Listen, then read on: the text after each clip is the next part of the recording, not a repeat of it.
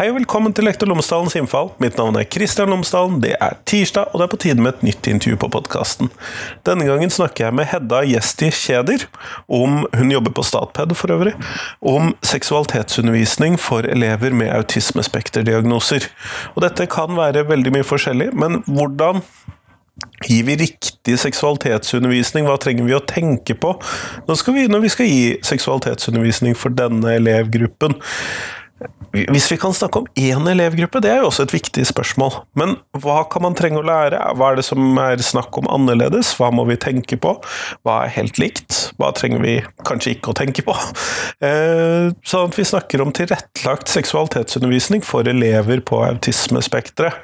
Og det tror jeg er et tema vi kanskje ikke snakker om veldig ofte. Ellers, podkasten er som vanlig sponset av Fagbokforlaget. Og Fagbokforlaget utgir bøker og digitale læremidler for hele utdanningsløpet, fra barnehage til høyere utdanning og profesjonsstudier, samt norsk for minoritetsspråklige.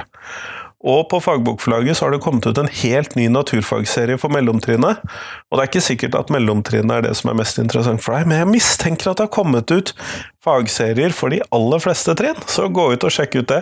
Men du finner også på fagbokforlaget.no lærebøker og læremidler, fagbøker, for de aller fleste temaer, så sjekk ut det. Nå, hør episoden med Hedda, vær så god.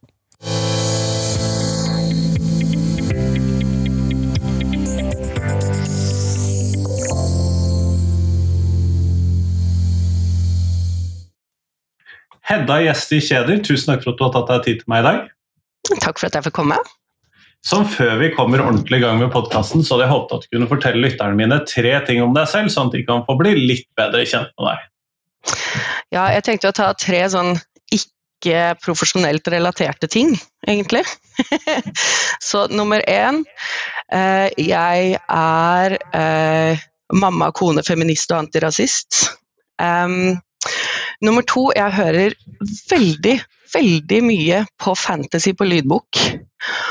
Og så er favorittdyret mitt er enten stegosaurus eller ku. Jeg har ikke helt bestemt meg.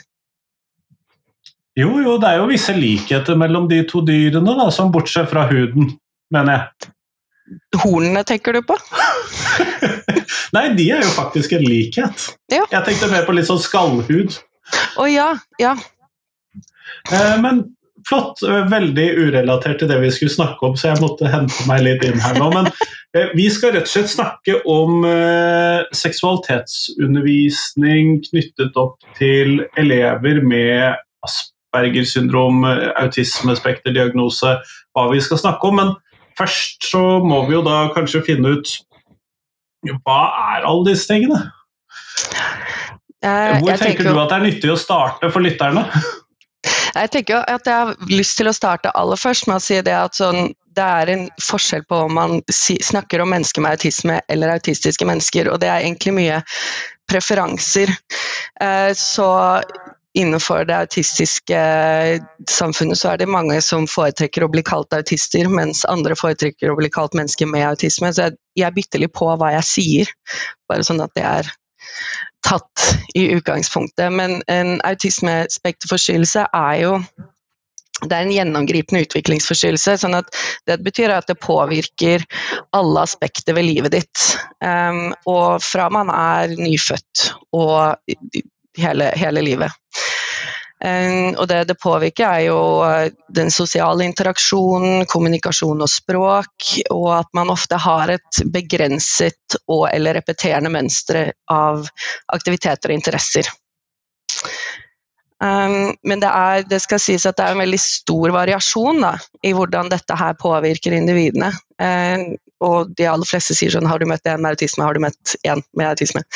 Um, for det er jo Mye av de vans samme vanskene ligger jo til grunn, men hvordan de arter seg for den enkelte er veldig veldig individuelt. Og, og dette er da ja. Eh, dette er jo da elever som alt fra de elevene som deltar i vanlig undervisning og vi stort sett ikke merker stor forskjell til eh, ja. klassekamerater uten den typen utviklingsforstyrrelser, til eh, elever da som deltar i har helt særegne løp. Stemmer ikke det? Det stemmer. Og, og det, det, man ofte ser på med, med de som har eh, gode kognitive evner, er jo at de, de kanskje faller litt utenfor på det sosiale, eh, og at de har veldig, av og til veldig spesielle interesser og sånne ting. Eh, men det er jo ofte også veldig mange tilleggsdiagnoser, som ADHD, Tourettes syndrom, OCD, utviklingshemming og sånne ting. Sånn at det, det kommer veldig sjelden alene, det kommer veldig ofte med litt annet. Og det gjør det jo kanskje mer komplisert å snakke om som en sånn enhetlig gruppe? Det gjør det. For man vet, de har på en måte sånn, det er noen generelle behov. At mange har et stort behov for struktur og forutsigbarhet, eh, f.eks. For eksempel, fordi den verden vi lever i er ikke egentlig tilpasset mennesker som forstår verden på en annen måte. Så all den informasjonen som vi eh, eh egentlig bare tar automatisk, som vi lærer i samvær med andre, den er ikke sikkert at den kommer inn på samme måte hos en menneske med autisme. Um, og mange og av de har jo også en, en svak det som kalles theory of mind, som er da uh, litt sånn evnen til å vite at andre har et tanke- og følelsesliv, og at det skiller seg fra ditt eget. Sånn at man kan være i den samme situasjonen, men oppleve situasjonen fullstendig forskjellig. At uh, man har forskjellig grunnlag for uh, hvordan man opplever verden. og at veldig mange har er mye bedre på å se detaljer enn en helhet. Og det kan jo også være vrient i sosiale situasjoner hvis du er veldig opptatt av detaljene, men kanskje ikke ser helheten i, i hva en sosial interaksjon er, eller hvordan det funker i klasserommet og sånne ting. Ja, dette er jo ganske, dette, Akkurat dette tror jeg er ganske kjent for veldig mange lærere som har mm. sittet med elever med disse utfordringene i klasserommet sitt. Mm. Jeg vet utrolig mye om flymotorer nå etter hvert, f.eks. Som en sånn eh, detalj man da henger seg opp i. Men disse tingene som du beskriver, jeg vil jo se for meg at det kan gjøre eh, opplæringen om et så sosialt fenomen som pubertet eller seksualitet ekstra utfordrende for disse gruppene? Det er det absolutt. Jeg tenker Det er jo noe av det jeg er så veldig opptatt av. Jeg har alltid vært opptatt av seksualundervisning, og hvordan den har jo, den er jo ikke tipp topp tommel opp i, i, skolen i Norge i dag. Det er jo mye Det skorter litt på. Man ser jo at det er veldig mye om prevensjon og kjønnssykdommer, og ganske lite om resten. Og det er jo egentlig resten som er det aller, aller meste. Eh, og ofte så ser vi jo at Altså, seksualitet er jo en del av mennesket, og det går ikke an å skille den fra resten av personligheten, men man ser ofte at de som ikke helt passer inn i hva samfunnet mener er helt riktig, de, de faller også litt utenfor når man tenker på seksualitet. Hvis man tenker på seksualitet, så tenker man som oftest på hvite, tynne, funksjonsfriske cis-mennesker med hvite tenner og perfekt hår, og, sant, som gjerne liksom hopper på stranda og sånne ting. Det er det man ser for seg er mennesker som har et seksualliv, men det er jo absolutt alle mennesker, uansett funksjon og farge og form. Um, og, og, den gjengen her blir jo veldig ofte litt glemt i seksualundervisningen også. Veldig mange av dem er jo ofte ikke fullt inne i klassen, de er ikke med i alle fag, de er ikke med på annerledesdager, som ofte er der man får denne typen informasjon. Og da glemmer man litt at de også kommer i puberteten, og man glemmer at de også har en seksualitet og, og kanskje ikke har et så stort sosialt nettverk som nok gjør at de ikke får inn den samme grunninformasjonen som alle andre får. Da. Der hvor man eh, som liten snakker om mensen, om stemmeskifte, om ståtisser og sånne ting, så så er dette en gjeng som veldig ofte ikke får med seg den delen av sosialiseringa. De er ikke nødvendigvis med i doktorleker i barnehagen og sånne ting. Så de blir veldig ofte veldig tett fulgt opp av voksne. Eh, og da mister de en del av den naturlige kunnskapen om hva dette er. Og det gjør jo at både liksom, eh, pubertet og seksualitet kan komme litt sånn kasta på, da. Eh, og dermed også få litt at man, at man kan får kanskje, Noen får en angstreaksjon på hva er det med denne stemmen. Hva er dette håret i ansiktet mitt? Eh, hvorfor blir tissen så stor, og hva, hva, er dette blodet i trusa? Det er veldig mange som, som, ikke vet at dette kommer, og dermed helt ikke vet hva det er, og kan bli veldig stressa når dette skjer. Dette er jo ofte skummelt nok for eh, elever som da har vært, eller barn som har vært eh, klar over disse tingene og fått alle disse punktene som du snakket om. Det kan jo være skummelt nok og angstfullt nok for alle de. Absolutt. Eh, og vi vet jo at En menneske med autisme syns jo ofte at overganger er ganske vrient. og Det kan være overganger alt fra liksom de store overgangene fra barnehage til barneskole, eller de små overgangene som er et skifte av en aktivitet. At det kan være et veldig forstyrrende element i hverdagen. Og så plutselig begynner kroppen din å bedra deg. ikke sant? Plutselig så er det et eller annet kjempestort som er på vei. Og som du sa, ikke sant? alle syns jo puberteten er sjukt ubehagelig. Den er jo et mareritt. Eh, og, og, det å ikke ha noen informasjon om at dette kommer til å skje og hva man kan forvente seg, er ganske eh, dramatisk. Eh, og så er jo seksualitet er jo, sant, det er sosialt utvikla og sosialt avhengig, sånn at man Alt med, med hvordan lærer man eh, om hvordan kroppen sin fungerer, hvordan andre kropper ser ut. Hva er mine grenser, hva er andres grenser? Hvordan eh, vet man det, og hvordan respekterer man det?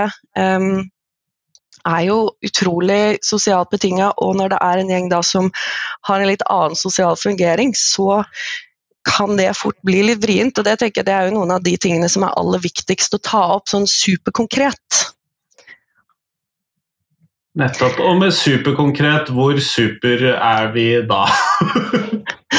Så konkret som du kan. Eh, og det er jo noe av, liksom, noe av, problemet med seksualundervisningen som er i Norge nå. Ofte da, at det er lærere som egentlig ikke har lyst til å ha det, som syns det er superkleint å snakke om, og som helst vil være et annet sted. Og så begynner de å vri seg på stolen og snakke om sånn Ja, du vet når man ikke sant, To mennesker er veldig glad i hverandre, eller man kjenner at det kribler litt, og så er de veldig sånn flyvende i språket og prøver å ikke si ting høyt. Eh, og med, for mennesker som da ikke har så god bildelig forståelse, så blir jo det ganske vrient. Så jeg tenker at du må være supertydelig i kommunikasjonen din, du må kalle ting det de er. Og, og gi informasjonen så konkret og kortfatta som mulig. Um, så når man snakker om pubertet, så må du virkelig fortelle konkret hva det er som skjer i kroppen, og hva man kan forvente. Uh, samtidig så må man også være tydelig på at det er ikke alle som opplever dette på samme måte. Så det kan være mange måter å oppleve puberteten på. Ting kommer ikke alltid i den samme rekkefølge. At noen kan begynne med at armene plutselig blir kjempelange, mens andre begynner å få mensen når de er ni år. At det, det, det varierer veldig. Eh, men at man kan forvente at man får humørsvingninger, og at eh, man får kanskje litt andre interesser, og at man begynner å tenke på litt andre ting. og Kanskje blir man forelsket, og kanskje liksom begynner man å få våte drømmer. Alle disse tingene trenger man å vite at skal komme. Og at det er ikke noe farlig, og det er helt vanlig, og alle har det sånn. Ja, og det er jo Det er jo komplisert, da. Det er komplisert. Det er mange elementer. Ja, og Det er derfor jeg også tenker at dette er en gjeng som, som, lærer best visuelt. Så veldig mye prat kan bli mye, veldig overveldende.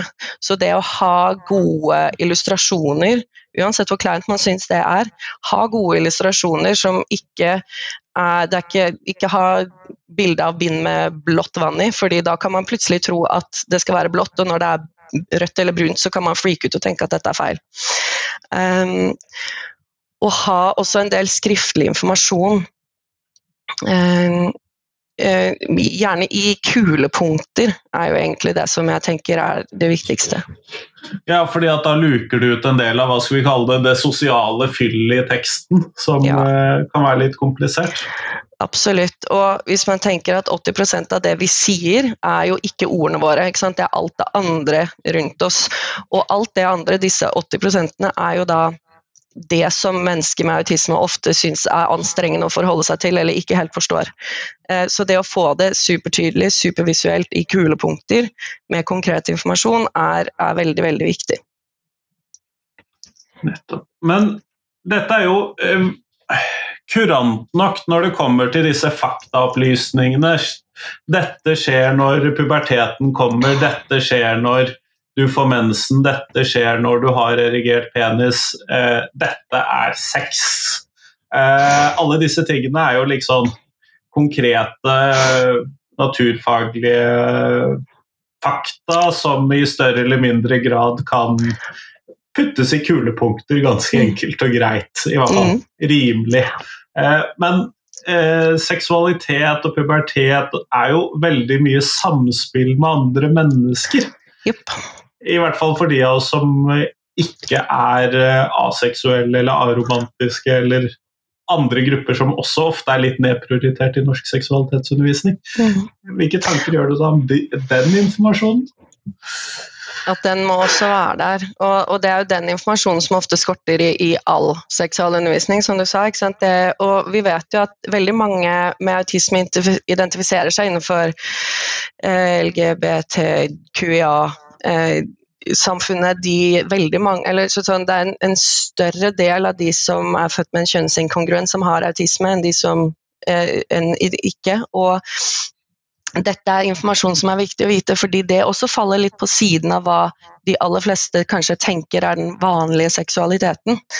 Um, så det jeg har gjort på den skolen jeg jobbet på før, så var det jeg og en annen kollega laget vårt eget fag eh, om kropp, identitet, seksualitet. Og det var basert på, eh, på noe som heter KISS, er jo egentlig eh, et sånn eh, verktøy som er laget av Nordlandssykehuset og Bufdir, eh, som man finner på helsekompetanse.no. Og, det er egentlig laget for, for eh, mennesker med utviklingshemming, som er et slags sånn informasjons- og arbeidsbokopplegg.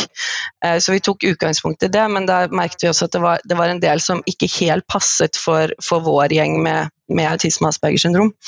Og, og der begynte vi liksom med å kartlegge litt sånn hva er det dere tenker om eh, pubertet, om kropp, om seksualitet, om porno, om samtykke. Eh, om identitet, om diagnosene deres. Tok med hele det, og så bygget vi opp da, et fag ut på, Eh, på bakgrunn av de to tingene. Eh, og det vi gjorde da, var at vi hadde en sånn kort innledning, enten med videoer, brukte NRK TV, vi brukte liksom veldig mye sånn videosnutter, eh, som var den konkrete informasjonen. Eh, og så hadde vi gruppeoppgaver, og så hadde vi diskusjoner, og tidvis også rollespill for å på en måte det er jaggu ikke lett å vite om noen har lyst til å ligge med deg eller ikke. Eh, og det trenger du å vite. Eh, og vi vet jo at sosiale, eh, de sosiale forståelsesvanskene kan det kan få ganske dramatiske følger hvis man ikke lærer seg om samtykke, for de står i veldig stor risiko både for å bli utsatt for overgrep, men også for å bli overgripere selv. Eh, og mange av de som sitter inne for overgrep, vet ikke egentlig at de har gjort et overgrep, fordi de har ikke skjønt at den andre ikke ville. Uh, så vi fokuserte mye på ok, hvordan vet du at en annen vil. Eh, og det kan være i alle slags typer sosiale situasjoner. Hvordan vet du at den andre egentlig ikke hadde så lyst til å spille det videospillet? Eller hvordan vet du at den andre syntes at nå hadde du snakket litt for mye? Eller at du egentlig ikke hadde lyst til å være med på kino, så drev vi en del rollespill på det. Men også informasjon, at vi hadde mye samtaler om det. Hva tenker dere? Eh, og tok veldig utgangspunkt i deres tanker og deres opplevelser. Eh, for mye av dette må jo relateres direkte til dem, hvis ikke så har ikke informasjonen noen verdi. Eh, det er mange som har store generaliseringsvansker. Det å overføre informasjon fra en setting til en annen kan være litt vrient. Så det å sette det ut i livet må øves på, det må diskuteres, sånn at de får den informasjonen de trenger for å kunne ta, ta gode beslutninger. Ja, så det, det, jeg egentlig hører her, er at mange av disse informasjonen som trengs om seksualitet, pubertet osv., rett og slett egentlig er hva skal vi kalle eh, generell informasjon som de trenger innenfor en del andre temaer for å kunne fungere godt sosialt uansett. Mm. Mm. Absolutt, jeg tenker det er jo en helhet i det. og det er litt som jeg sa i begynnelsen, at Man kan på en måte ikke eh, ta seksualiteten vekk fra resten av personen. Seksualiteten, uansett om du er aromantisk eller aseksuell, så vil det fortsatt være en del av din identitet og ditt liv. Det vil påvirke livet ditt. Eh, og det å få altså Man snakker mye om psykoedukasjon, det å få på en måte informasjon om sin egen diagnose og vite hvordan den fungerer for seg selv. tenker Det vil være en nyttig del av det. Sånn at du får For det er jo ikke alle som eh, ikke får til de samme tingene, det er ikke alle som har de samme vanskene. Og å vite sånn ok, jeg er ikke så god på å skjønne hva andre egentlig vil. Derfor må jeg spørre. Jeg må alltid spørre. Jeg må alltid få et konkret ja. Um, og noen har litt mer det at sånn, de, en del har jo ganske store sensoriske vansker, eller opplever eh, sanseinntrykk på en annen måte. Og det å vite at for meg så kjennes berøring annerledes ut enn for andre, det trenger jeg å vite. Både fordi at eh, kanskje andre ikke gjør godt med meg, eller jeg ikke gjør godt med andre. Dette må vi snakke om. Um, og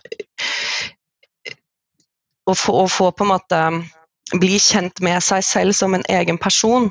For det er De aller fleste andre mennesker blir jo kjent med seg selv i samspill med andre. Mens den gjengen her gjør ikke alltid det. De har ikke de samme samtalepartnerne ofte. Eh, og ofte så blir dette denne jobben om identitet og om seksualitet og om eh, funksjon og behov, alt dette blir liksom eh, noe som er opp til foreldrene eller kontaktlærere å ta opp. Og det, da er det viktig at det blir gjort på en god måte, og kanskje foreldrene skal slippe det. For det kan være litt klamt for foreldrene å skulle sitte og snakke om samtykke og om porno og preferanser og onani og bli kjent med kroppen. Det er, det er ikke sikkert at det er foreldres jobb, da. Men eh, lærere kan gjøre det, så lenge de klarer å puste med magen og ikke bli flaue, da. Um, tenker jeg at det, det, er viktig at man legger det frem på en måte som gjør at det er ikke noe å være redd for, det er ikke noe skamfullt. Det er ikke noe, dette er en del av alles liv, men at man kanskje eh, trenger å diskutere det mye mer konkret med denne gjengen her. Men hvis vi da ser for oss da, at uh, de som lytter på dette, nå skal ta oss og ta et uh, uh, Gjøre en Ha litt fokus på dette. Hvis, hva tenker du er liksom de viktigste tingene man da skal eh, ta med seg når man da skal som lærer møte denne gruppen med god seksualitets- og pubertetsundervisning osv.? Hva tenker du er det liksom kjernepunktene? Jeg tenker at man må ta utgangspunkt i god autismeped. Eh, jeg tenker at man må ha struktur i undervisningen sin. Man må ha oversikt over hvilke tema vi skal diskutere, hvor lenge skal vi bruke på de forskjellige tingene. Først så vi, kommer det litt informasjon, så skal vi diskutere, og så er det noen oppgaver dere skal svare på. Og jeg tror det kan være lurt med de skriftlige oppgavene, fordi av og til så tror man at man har forstått, og så eh, får man oppgaver som de skal svare på, og så ser man at ohoi, her, her har, har, jeg ikke vært konkret nok. Eh, og da er det viktig at man vet det for å kunne ta det opp, for det er en del misforståelser ute og går. Og så tenker jeg at du må være veldig tydelig på hvilke temaer er det man skal ha.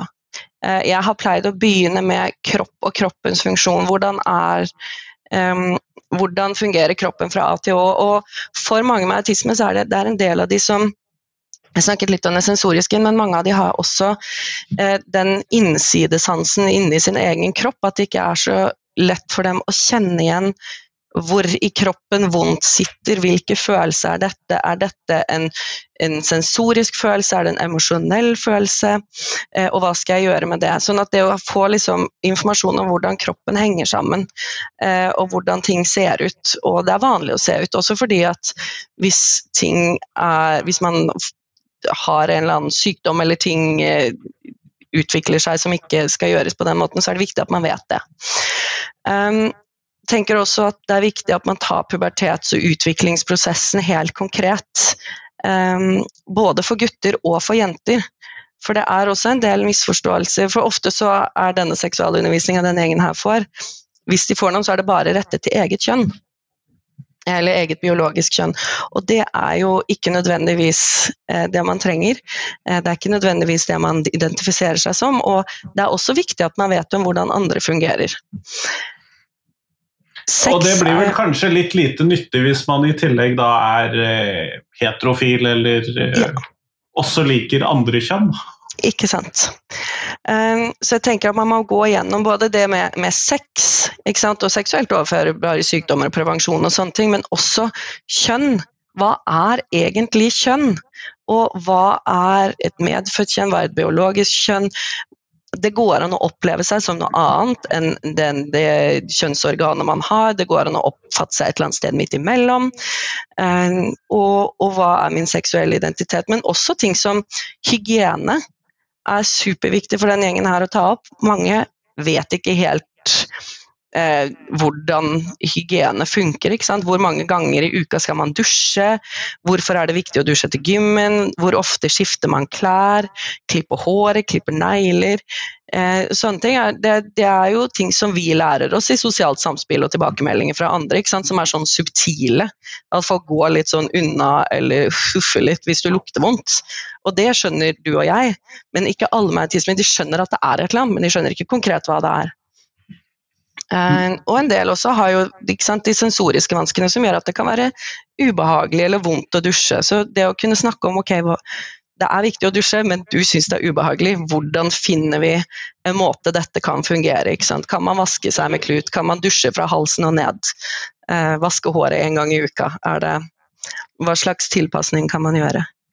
Uh, onani er jo også en stor ting som denne gjengen her må ta opp. De aller fleste andre tar jo det, ikke sant. Gjennom doktorlek og litt sånn at man prøver ut seg selv, da.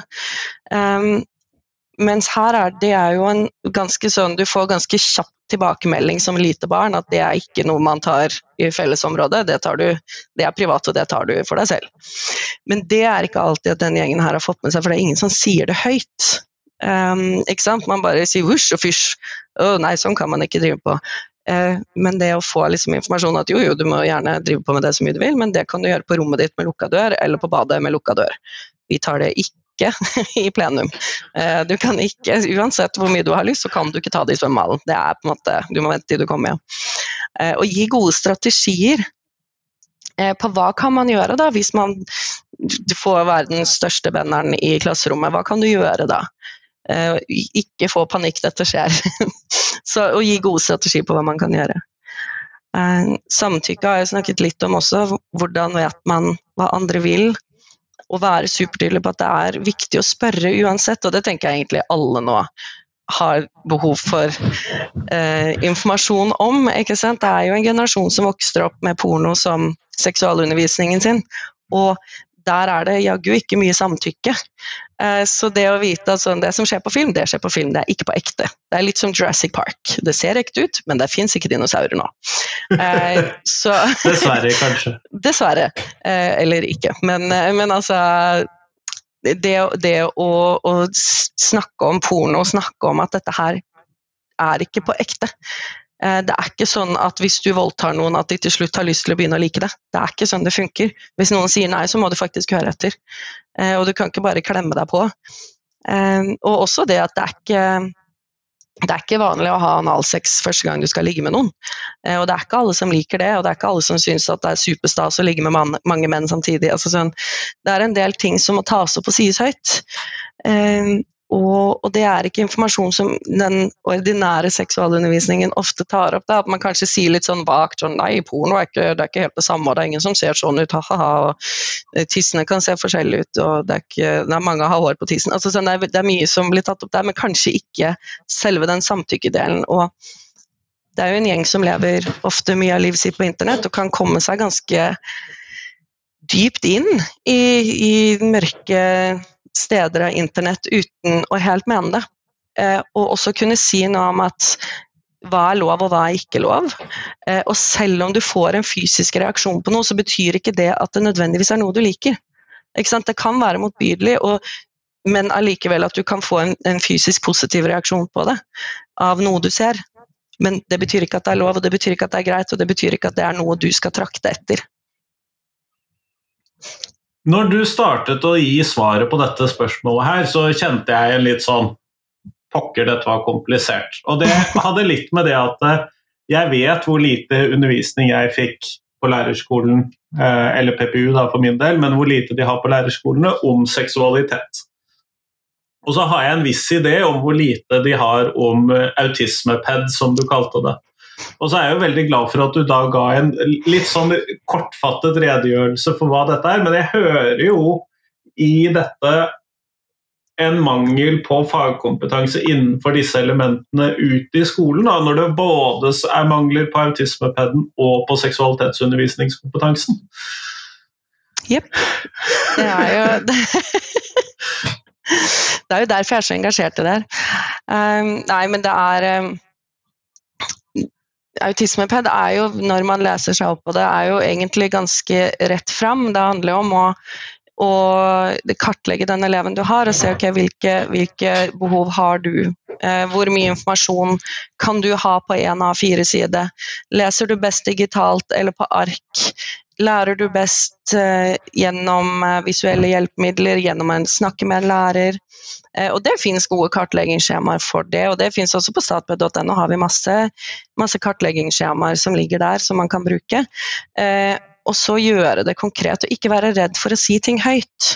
Og jeg tenker Alt det jeg har sagt nå, det er jo ting som de aller fleste vet at det skorter på den kunnskapen for egentlig de aller fleste barn og unge. Men det er noe med å sette av tiden og tørre å si det høyt Og ta de diskusjonene og ikke være redd for, for, hvilke ord man skal bruke og sånne ting. Og også liksom kunne godta det. altså si noe om at dette her syns jeg er superflaut å snakke om, men jeg syns at det fortsatt er viktig at vi gjør det. Så bare hvis jeg rødmer, så er det bare det, er bare det som skjer. Det, det, er ikke noe skamfullt og sånt, det er bare det er uvant for meg å si dette høyt. Ja. Nei, men Kjempeflott, Hedda. Vi går mot slutten av podkastintervjuet. Da skal jeg stille deg det spørsmålet som jeg stiller alle de jeg intervjuer. Og hva er de tre viktigste tingene skolen lærer elevene? Jeg tenker at eh, det aller viktigste å lære elevene er å være et gangs menneske. Eh, og å være Vite hvem du er. Fagkunnskap er viktig, men det kan du på en måte um, få på andre tidspunkter i livet. Men den sosiale biten, den kan du ikke Den lærer man som regel i den alderen man er, og det er det alt senere bygger på. Så jeg tenker at det er utrolig viktig at skolen lærer bort det. Um, nå hadde ikke jeg helt forberedt akkurat denne delen, så Jo, men vi går for gangs menneske. Den kan telle for tre, den. Også. Den kan telle for tre. ja. Men Kjempeflott. Tusen takk for at du tok deg tid til meg i dag.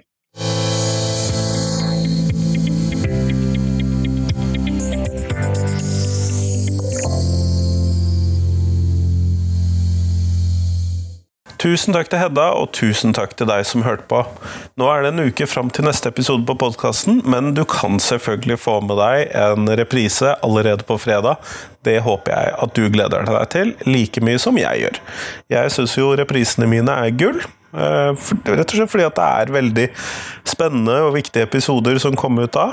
Eh, sånn at jeg håper at du vil sette pris på det. Ellers, eh, podkasten min drives jo av meg, og med litt sponsing fra Fagbokforlaget. Men du kan også sende meg et lite støttebeløp på VIPS hvis du skulle ha lyst til det. Du finner informasjon om det på lektorlomsdalen.no. Jeg blir i hvert fall utrolig glad for alle bidrag til podkasten. Men nå, nå får du ha en fin uke. Hei, hei!